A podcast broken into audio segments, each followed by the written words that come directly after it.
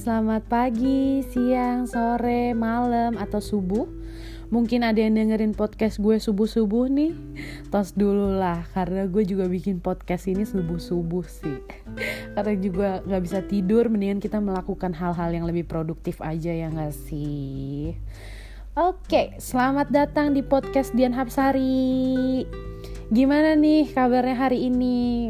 Ada yang gak baik? Atau sangat tidak baik? sedih banget ya kalau nggak baik semua. Tapi ya namanya juga hidup ya nggak sih? Disyukurin aja dan percaya bahwa besok akan lebih indah. Kalau indah terus kan nggak berwarna banget nggak sih hidup kita? Oke lanjut aja yang ngomong-ngomongnya. Eh by the way lagi pada ngapain nih sekarang? Kalau gue lagi ngomong-ngomong kayak gini nih sambil tiduran di bawah AC selimutan terus uh, nyalain aromaterapi yang lavender kesayangan gue. Supaya apa? Relax bisa tenang dan kita ceritanya tuh lebih santai. Ya enggak sih? Oke lanjut aja ya. Di podcast kali ini gue mengambil judul bukannya munafik tapi menjauh itu lebih baik. Ada yang setuju sama hal ini gak sih? Kalau gue sih setuju dengan hal ini mau lo menjauh dari hal-hal yang negatif ya itu harus dijauhin ya. Selama itu merugikan lo ya lo harus ngejauhin gitu kan. Apa pun lo men pernah gak sih menjauh dari hal-hal yang menurut lo sudah muak gitu? Yang kayak ah gue udah capek lah udahlah gue mendingan menghindar aja lah. Ah mendingan gue menjauh aja lah daripada gue terlibat terus bikin gue stres pusing depresi. Gila deh. Ada yang pernah kayak gitu gak sih Nah jadi gue mau ceritain nih, gue punya satu cerita. Ada seorang anak perempuan usia 27 tahun yang terpaksa menjauh dari keluarganya. Aduh, pasti banyak banget nih yang pro kontra ya sama hal ini gitu loh. Ketika lo denger hal ini tuh kayak pasti ada yang mikir, ih itu anak kurang ajar banget sih menjauh dari keluarganya, nggak tahu diri banget. Ih dia tuh nggak sadar apa ya keluarga tuh yang besarin dia sampai sekarang. Kok dia malah ngejauh dari keluarganya? Dasar bego. Misalnya yang ngomong kayak gitu. Terus ada juga wah kasihan banget. Kenapa bisa sampai menjauh? Ada yang care ada yang uh, menghujat gitu kalau versi netizen ya gak sih?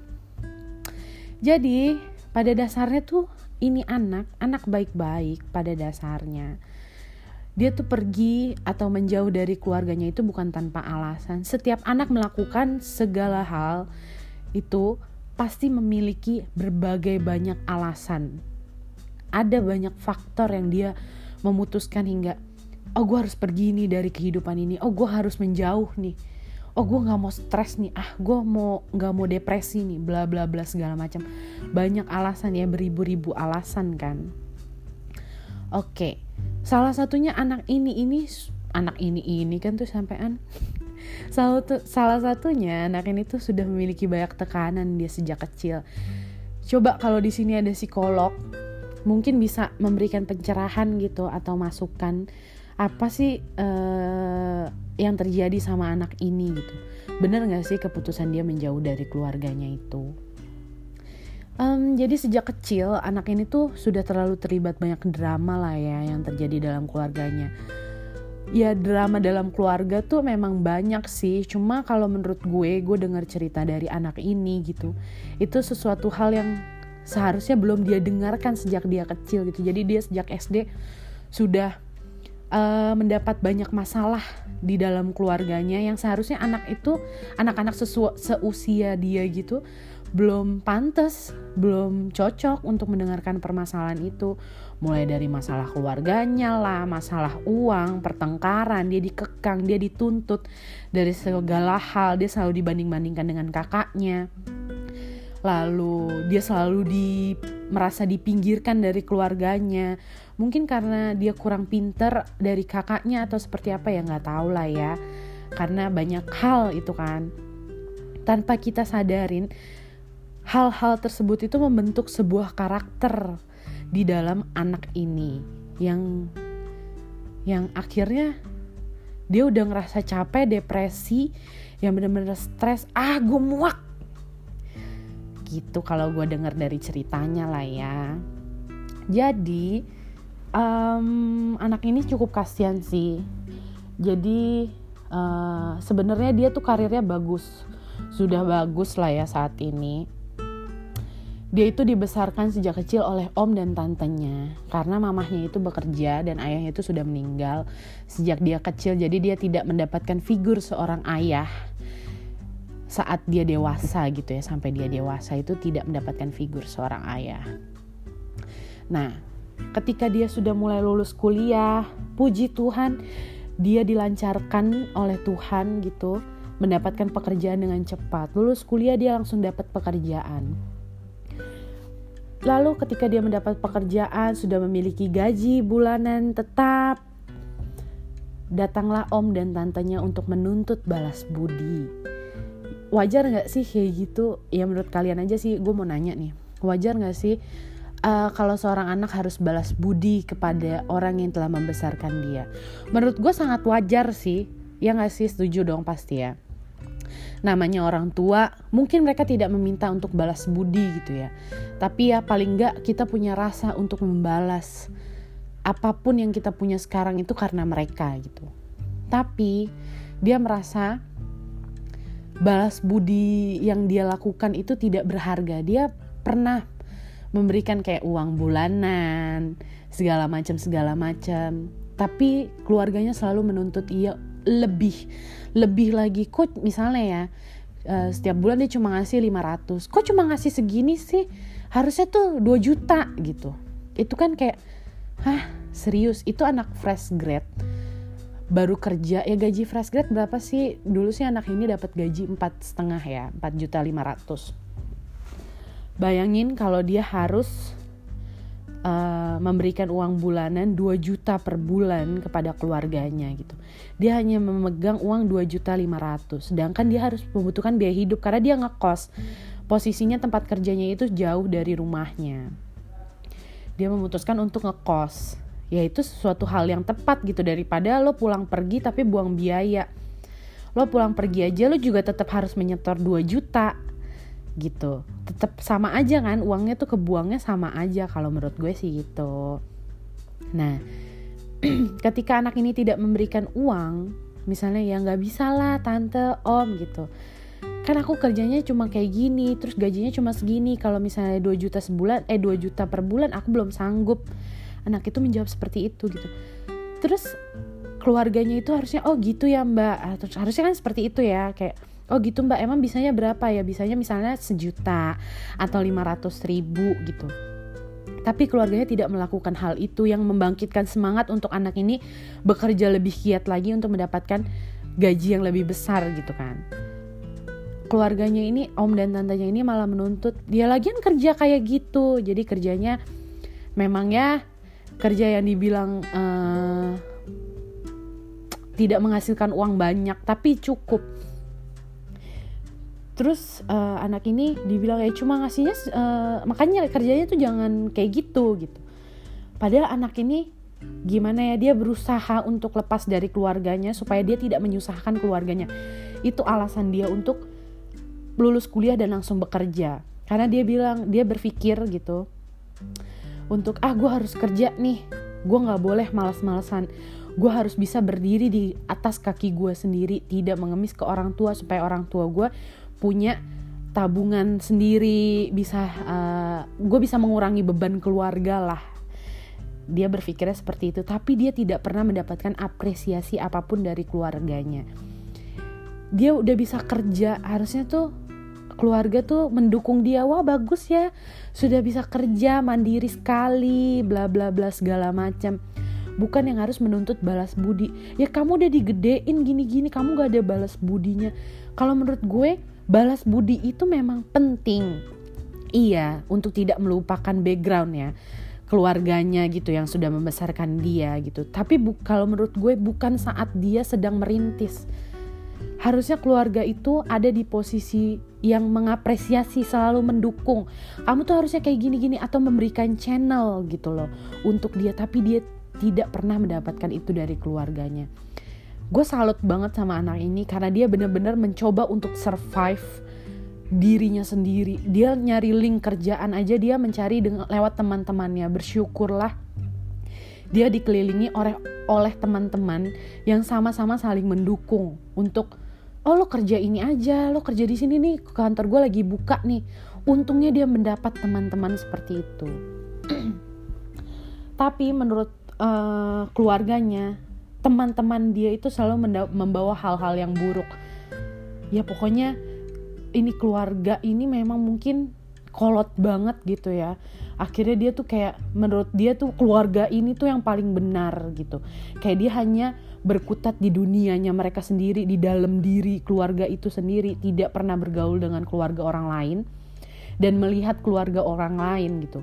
Sedangkan anak ini dari kecil selalu disalahkan memiliki teman-teman yang salah Padahal teman-teman yang dia miliki sekarang itu membawa dampak yang lebih baik untuk diri dia, menjadi lebih kuat, memiliki banyak channel, menjadi lebih smart, yang seperti itu gitu loh. Tapi anak ini tuh tidak pernah mendapatkan apresiasi apa pun. Dia tuh keluarga ini hanya menyanjung-nyanjung kakaknya saja. Di situ kayak anak ini merasa kok keluarga gue tidak pernah ada di diri gue ya kok keluarga gue tidak pernah mendukung apa yang telah gue lakukan ya? Kok keluarga gue kayak nggak peduli banget sih sama gue? Emang anaknya cuma kakak gue doang. Anak ini tuh berpikiran seperti itu. Karena dia berpikiran seperti itu dia harus survive dan keras kepala untuk tetap bertahan hidup dengan prinsipnya dia. Dia punya prinsip sangat keras gitu loh. Kalau gue bisa berdiri di kaki gue sendiri udah lo tenang aja gitu loh jangan ganggu ganggu gue. Anak ini tuh sedang berusaha untuk menjadi seseorang yang berperan lah dalam dunia ini gitu. tapi keluarganya itu tidak pernah mendukung sama sekali dan selalu menyalahkan. Menurut gue itu tuh hal yang sangat menyebalkan sih berada di posisi seperti itu. Sedangkan di usia-usia dia ini yang harusnya mendapat banyak dukungan dari keluarganya apa segala macam itu tuh nggak ada sama sekali. Itu membentuk karakter dia ya menjadi orang yang keras kepala sih. Dan jujur gue kasihan karena jadi kayak orang yang linglung aja gitu mau ini salah itu salah yang jadinya serba salah kasihan sih cuma ya menurut kalian tuh gimana? Pernah gak sih ada yang ngerasa kayak gitu?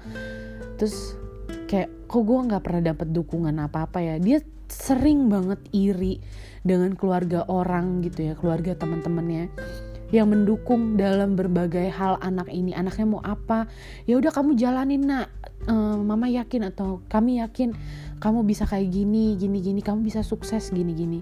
Dia tuh selalu iri keluarga yang harmonis ya namanya keluarga harmonis tuh jadi impian semua orang gitu ya.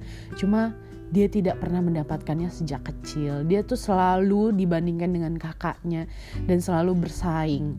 Padahal ini anak tidak pernah mau bersaing di dalam keluarganya. Karena apa? Dia mikirnya ya itu sebuah keluarga.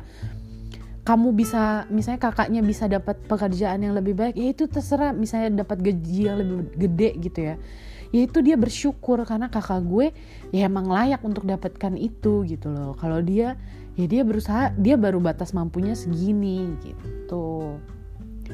Karena atas dasar hal itu dia mulai stres sih banyak kayak pikiran cuma dia tidak bisa mengungkapkannya gitu ya. Dia hanya memendam aja sih.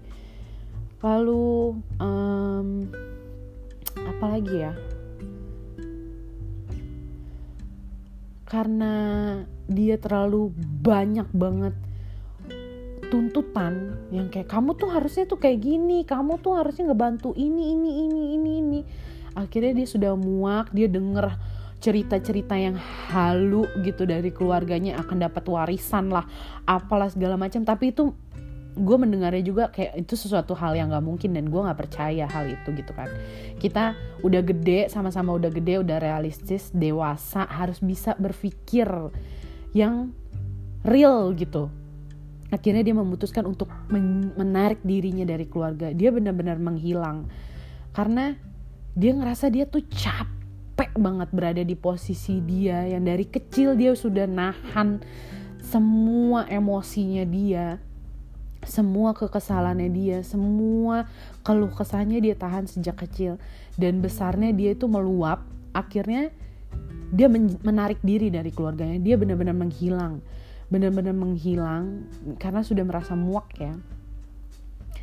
Lalu ternyata tidak ada perubahan dari keluarganya sejak dia menghilang ini. Ketika itu keluarganya meng, uh, ngontak dia lah ya. Ngontak dia kayak kapan pulang? bla bla bla segala macam oh ini anak hatinya terenyuh gitu ya. Karena udah dua tahun sekitar dua tahun atau tiga tahun gitu dia tidak pernah berkomunikasi atau bertemu dengan keluarganya karena dia merasa muak benar-benar muak gitu. Keluarganya ngontak dia langsung terenyuh oh ternyata gue dicari. Oh ternyata keluarga gue butuh gue. Oh ternyata ternyata gue masih disayang bla bla bla segala macam namun di kemudian hari ternyata dia dicari hanya untuk uang. Jadi keluarganya om dan tantenya datang kembali untuk meminta uang lagi. Dan itu uang yang cukup besar menurut gue sih. Kayak sampai puluhan juta gitu. Yang menurut dia kayak nggak masuk akal banget gitu. Anak ini down. Anak ini bener-bener down stres depresi sampai dia pergi ke psikiater sampai dia nggak tahu harus berbuat apa. Di titik titik di mana dia bener-bener uh, mau mengeluarkan kata-kata kasar mau memaki udah nggak tahu udah sampai tidak terucap dia hanya kerjanya tidur aja semua pekerjaannya berantakan. Karena dia langsung merasa oh shit man. Oh shit gue dicari cuma karena uang karena mereka butuh uang gila. Menurut gue tuh uang tuh udah kayak apa ya jadi masalah masalah utama aja gitu di keluarga ini. Kayak gimana ya? Gila cuma gara-gara uang lo dicari. Lo dicari cuma karena uang men gitu. Kalau lo nggak ada uang lo nggak kerja lo berarti nggak bakal dicari. Karena dia pernah sempat bilang kalau dia tuh keluar dari kerjaannya dan gak kerja itu gak dicari sama sekali men. Tapi kalau dia bilang oh aku udah dapat kerjaan baru nih dia baru dicari. Miris sih. Ya gue ngerti sih. Oke topik utamanya dia mau balas budi gitu ya. Dari keluarga ini mau minta balas budi. Cuma kayak balas budi itu memang harus sekarang banget nih. Lo tidak memperhitungkan apa yang telah gue gue lakukan ke keluarga lo selama ini banyak hal yang telah dia lakukan gitu ya. Kayak dia punya ponakan gitu anaknya butuh masuk sekolah. Dia bantu uang sekolahnya. Terus uh, waktu itu omnya mau pergi kerja bla bla bla segala macem gitu. Dia bantu uh, tiket untuk pergi itu. Lalu banyak hal lah ya yang listrik lah yang ya cuma ngasih uang jajan lah jajanin ponakannya tapi itu nggak ada harganya ternyata. Dibilangnya anak ini nggak pernah bantu keluarganya sama sekali. Oh my gosh. Gue tuh langsung speechless gitu kayak hah? Kayak wow keluarganya tuh menurut gue gila sih. Entah itu terjadi dalam setiap keluarga atau seperti apa sih? Tapi keluarga teman-teman gue nih ya gue nggak pernah menemukan yang seperti itu sih. Padahal tuh seorang anak cuma butuh apresiasi. Anak ini tuh cuma pengen dibilang gini oh ya udah mbak semangat ya kerjanya gitu. Semoga gajinya lebih baik lagi. Terus pokoknya menyemangati gitu loh. Anak ini tuh tidak pernah dapet hal itu kayak hah? Really? Kayak apresiasi aja tuh nggak pernah dia tuh kayak nggak pernah dianggap di keluarga itu gitu. Dia sudah kerja dia bisa lulus kuliah aja tuh harusnya keluarganya tuh udah bangga tapi nggak ada tuh nggak ada apresiasi apa pun. Karena kakaknya jujur nggak lulus kuliah gitu kan. Ya dulu pinter banget lah dia tapi dia nggak lulus kuliah dia nggak ngelanjutin kuliahnya lagi sampai sekarang dia tidak bekerja. Jadi hanya adiknya ini aja yang bekerja gitu. Kayak ah gila ini anak yang lo sanjung-sanjung nih begini nih ujungnya nih. Kok gue yang dulunya dibilang bodoh yang ini yang nggak bisa sekolah yang yang udah dicap nggak bakalan jadi anak bener gitu. Ini gue bisa kerja loh. Dia ingin membuktikan semua image-image yang lo tanamkan di diri gue tuh salah. Dia tuh selalu berusaha untuk membantah semua image itu yang kayak ah lu nggak bakalan kerja lo lo paling lulus kuliah udah lo jadi pengangguran. Dia tuh membantah semua itu. Tapi ternyata dia tidak mendapatkan apresiasi itu dari keluarganya. Atas dasar itu dia memutuskan untuk oke okay, gue out dari ini dia ngerasa dia dibutuhkan cuma karena uang. Sekarang dia hidup ya berusaha untuk berdiri di kakinya sendiri. Dia dikelilingin oleh teman-teman yang saling mendukung sama satu sama lain ya. Mungkin ada teman yang negatif ada yang positif. Itu semua equal sih supaya kita sama-sama tahu gitu kan. Uh, kita mau ikut ke arah yang mana nih tapi untungnya dia dikelilingin oleh teman-teman sahabat yang bisa sama-sama mendukung dia gitu. Saling menguatkan. Jadi dia sekarang kalau uh, stres atau pusing ya larinya hanya ke sahabat atau psikiatris. Udah gitu aja. Gue tuh mau pesen gitu ya sama orang tua orang tua di luar sana. Mungkin ada yang baru menjadi orang tua atau yang orang-orang tua kekinian lah lo coba dong jadi orang tua itu lebih mengapresiasi apa yang telah dilakukan anak lo. Kalau anak lo nakal ya lo tegor gitu kan. Bukan berarti nggak lo tegor terus lo malah apresiasi. Oh bagus, bagus gitu. Lo nabok uh, anak lo nabok orang gitu. Oh bagus, ah bagus. Ulangin lagi ya besok ini gini. Ya nggak gitu juga sih. Apresiasi kalau dia tuh melakukan sesuatu hal yang baik hal-hal besar entah apa pun itulah ya. Tapi maksudnya hal-hal yang lebih baik gitu. Gue yakin kok setiap anak itu melakukan segala hal itu punya alasan. Dan orang tua itu harus tahu alasannya.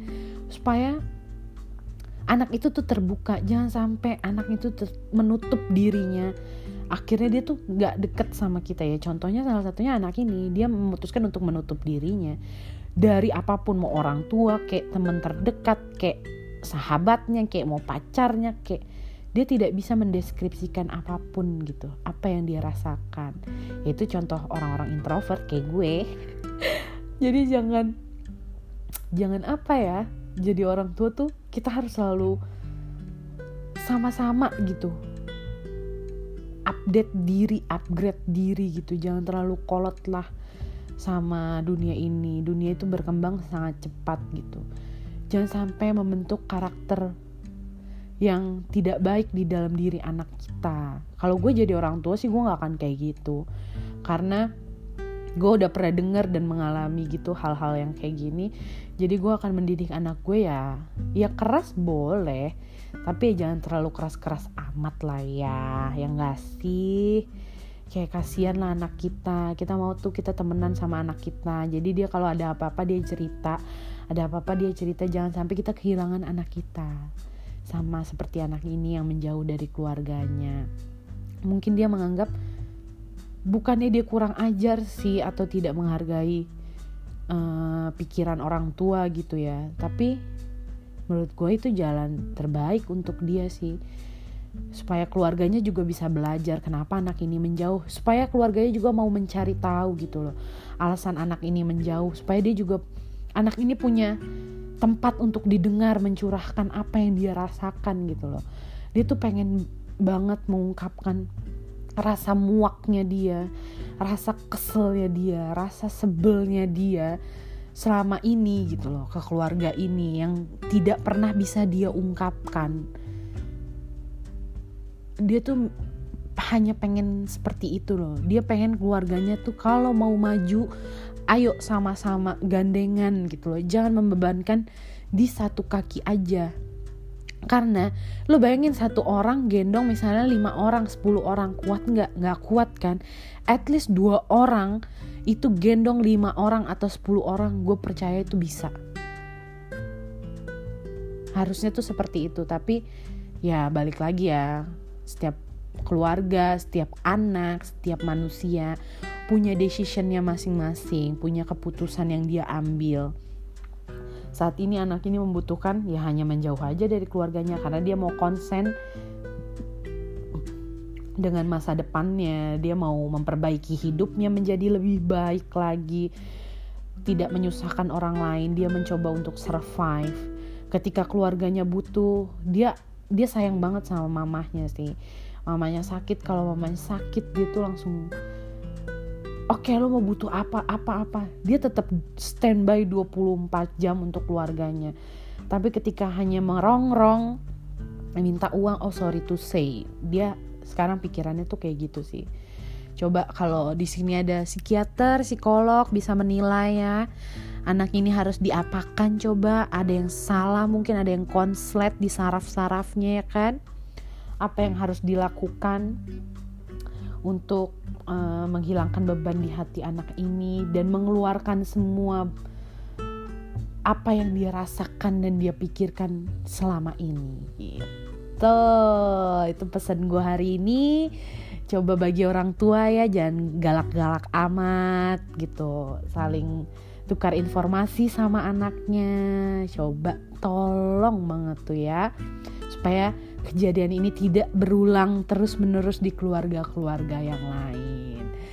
Oke deh, segitu aja ngomul-ngomul gue hari ini. Mungkin kalian nanti bisa dengerin omulan gue, bacotan gue berikutnya. Silahkan dilihat-lihat, silahkan didengar lagi di Spotify kalian juga bisa dengar tinggal searching aja Dian Hapsari jangan lupa di follow terus kalian kalau ikut anchor juga kalian juga bisa subscribe di anchor gue itu podcast jangan lupa juga di subscribe oke okay? supaya update gitu kalau gue baru upload uh, voice voice terbaru gue oke okay? Oke segitu aja deh kalau gitu. Uh, I hope you enjoy. Have a nice day guys. Selamat tidur bagi yang menuju tidur atau yang sudah tidur gitu kan dengar dongeng gue malam ini. Terima kasih. Sampai ketemu di episode selanjutnya. Bye.